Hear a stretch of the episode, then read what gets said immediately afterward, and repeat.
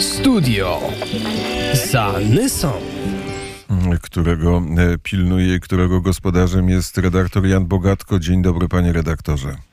Dzień dobry, dzień dobry. Pilnuję naszego studia jak e, źrenicy oka. To jest bardzo ważne studio, bo jest nad Nysą i ja w nim jestem. No więc już to dwa argumenty za tym, żeby tego studia słuchać. Tego studia słuchać należy także z innych powodów, to znaczy należy. Zalecam, aby słuchano tego studia. Mianowicie my wiemy, co się dzieje w Niemczech i z reguły wiemy, co się dzieje w relacjach polsko-niemieckich. Ostatnio na przykład wielką y, ciekawość wywołał, wywołała moim zdaniem wypowiedź pana y, y, doktora Ulricha Schli, historyka niemieckiego, który zaczął odkrywać pewne prawdy, o których sam powinien wiedzieć, no bo przecież pan Ulrich Stefan Schli jest nie tylko niemieckim historykiem, ale także niemieckim urzędnikiem. Był on w latach 2005-2012 kierownikiem sztabu planowania jako mm, dyrektor ministerialny w resorcie obrony, a więc wiedział o wielu, wielu bardzo istotnych sprawach dotyczących mm, Niemiec i, i Rosji. On y, na łamach Die Welt pisze o tym, znaczy mówi o tym, bo to jest wywiad z nim albo jest cytowany przez Alfreda Hackenspergera, a mianowicie, że 23 listopada mm, prezes y, BND z wywiadu niemieckiego Bruno Kall y, odleciał do Kijowa na spotkanie z tamtejszym y, rządem. To było 23 lutego tego roku. 24 już z tego Kijowa wylecieć nie mógł, bo był zakaz podróżowania samolotami, zamknięte niebo było nad Ukrainą i pozostała mu tylko podróż samochodem, która była okropnie trudna. On jechał z, z tego Kijowa w, straszny sposób, żeby się dostać do Przemyśla, skąd znowu mógł polecieć. Ja o tym pisałem od razu 24 czy 25 mówiłem o tym, yy, dlatego, że to była dla mnie strasznie zabawna historia. Szef wywiadu, uważającego się za jeden z najlepszych na świecie, jedzie na dzień przed agresją rosyjską, chciałbym się powiedzieć sowiecką na Ukrainę i nie wie o tym, że ona ma być. No oni wiedzą przecież podobno wszystko. A okazuje się, że wiedzą wszystko, jak się dowiedzą z Radia Wnet na przykład. Dlatego, że wcześniej o tym wiedzą niewiele. No więc Bruno Kall, prezydent, y, szef tego BND, Miał za sobą tą bardzo ciężką podróż, a mianowicie mm, z Kijowa przez y, Lwów, następnie do, do Przemyśla i dalej, dalej drogą lotniczą. Ale zakładał Bruno Kal, uciekając na łeb na szyję Kijowa, któremu wtedy nic nie zagrażało, że za trzy dni, tak według wyliczeń BND to było, y, Rosjanie będą już w Kijowie. No okazało się, że te trzy dni trwają teraz 275 dni i jeszcze, i jeszcze nic się tutaj nie wydarzyło. W każdym razie Ucieczka Brunokala z Kijowa wykazuje stan świadomości y, Niemców dotyczący relacji z Rosją i z Ukrainą. Jest zerowa po prostu po prostu nie wiedzieli nic i co się tam dzieje. No przecież kazali ewakuować się ambasadzie niemieckiej z Kijowa w bezpieczne miejsce. No, to po prostu można by uznać, że jest to y, scen, że jest to po prostu jakiś y, y, tekst dla, dla komika, ale nie dla, dla jakiejś komedii, comedy show, ale nie dla, nie dla polityki, nie dla lata. Y, Ulrich Schli zauważył, że ten przypadek już wiele mówi o naszym systemie. Tak, oczywiście o niemieckim systemie ten przypadek mówi wiele.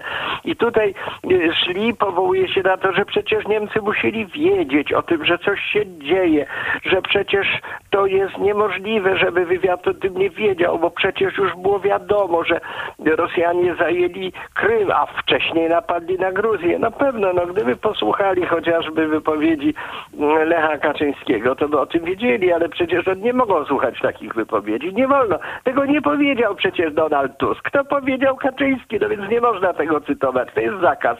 Zakazy cenzuralne są.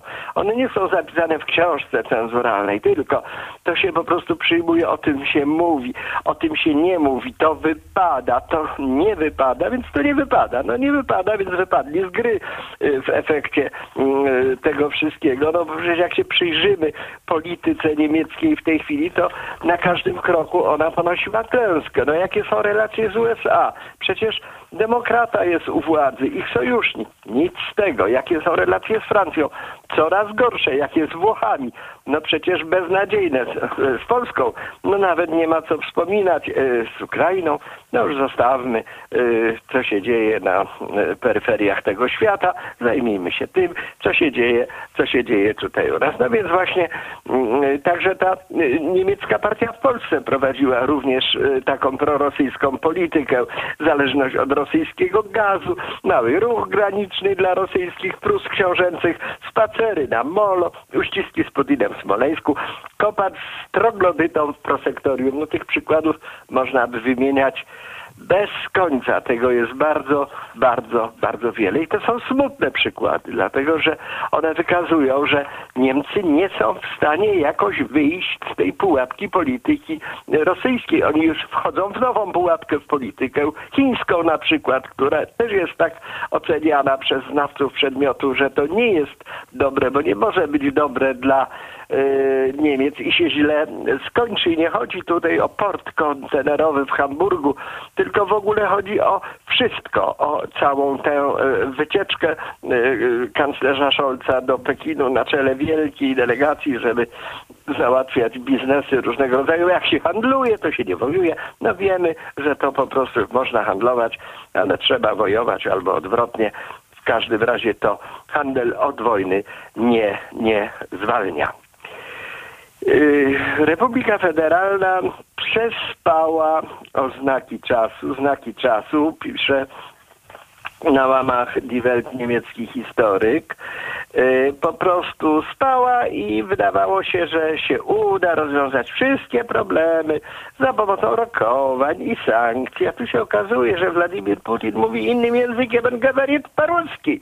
On nie będzie mówił tak, jak tego oczekują od niego jego rosyjscy przyjaciele w Berlinie, którym się wydaje, że przecież on mówi także po niemiecku, ale jak mówi po niemiecku, to mówi co innego niż jak mówi po rosyjsku. Oni jeszcze na to nie wpadli i na to nie zdążą już chyba wpaść. Geopolityczny rozwój ostatnich 20, 20 lat był tak drastyczny, że w zasadzie można było, nie można było tego przeoczyć, co się wydarzy. No ale jak już mówiłem, trzeba było słuchać Kaczyńskiego. Kaczyńskiego nie Polski, bo połowa Polski popiera Tuska, czyli jest prorosyjska. O tym ciągle zapominamy. Przypomina też y, Ulrich Schlie, że Rosja już w 2008 roku zaatakowała Gruzję i później sześć lat e, potem Krym, no oczywiście dobrze, że o tym pamięta, ale on już w tym czasie do 2005 do 2012 był szefem sztabu planowania.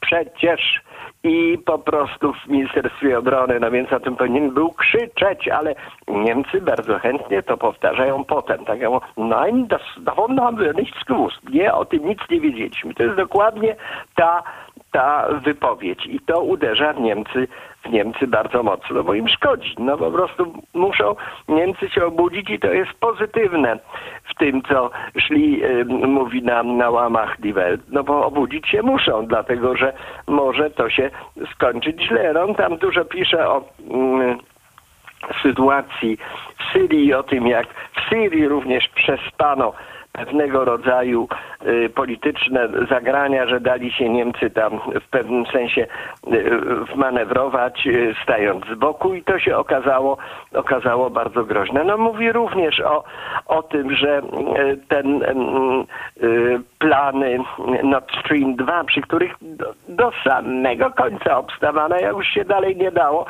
To jest ten projekt, o którym kandydat na prezydenta Rzeczpospolitej, pan Trzaskowski, nazywał gospodarczym, który dzięki Bogu nie ma nic wspólnego z politykami. No świetnie, no jaka szkoda, że nie mamy takiego prezydenta dzisiaj w Polsce. To byłoby bardzo ciekawie, jakby to, jakby to wyglądało dzisiaj. Bliskość Niemiec do Rosji jest zaskakująca. To oni mówią o sobie, Niemcy mówią o, o Rosjanach, mój sąsiad.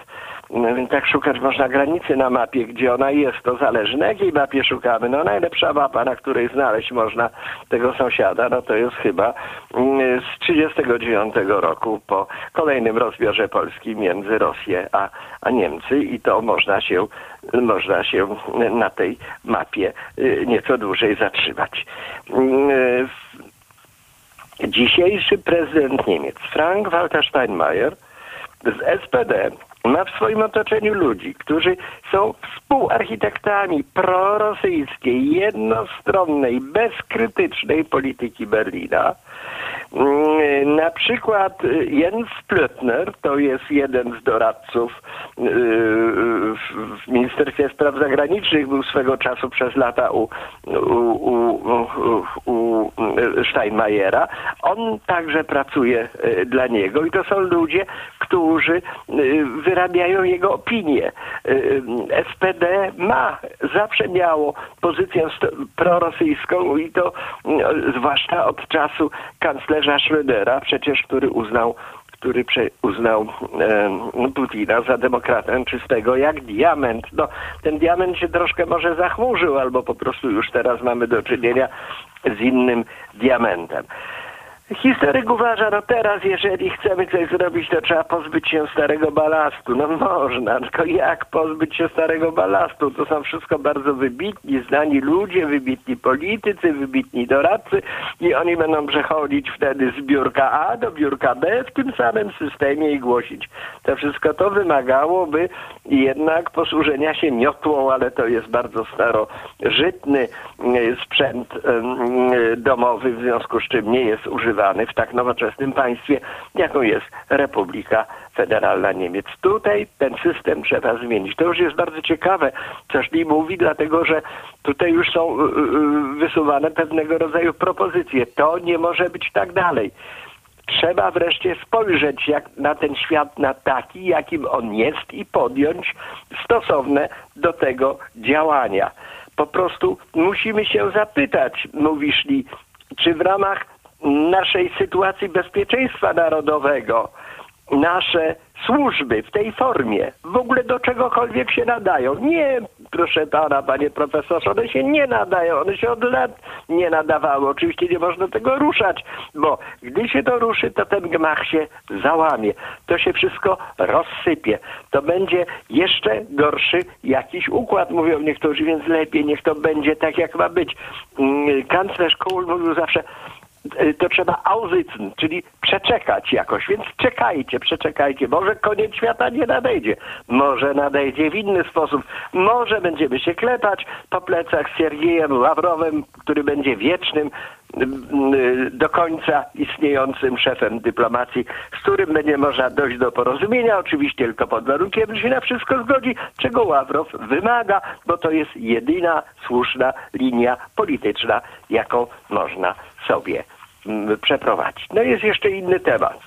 Jest inny temat, ale on dochodzi do głosu nieco mniej. Ten był znacznie ważniejszy moim zdaniem. To jest kwestia rakiet Patriot. Czy one mają być w Polsce, czy też mają być dostarczone na Ukrainę? Na Ukrainę nie mogą być, powiedziała minister obrony, dlatego, że to by wymagało y, konferencji ze wszystkimi państwami NATO, bo to jest y, pomoc w ramach NATO, a Ukraina do NATO nie należy i znowu NATO, NATO do NATO nie należy, NATO nie należy i się nie należy. No więc się nie należy. No i to są właśnie te czasy, w których żyjemy, proszę Państwa.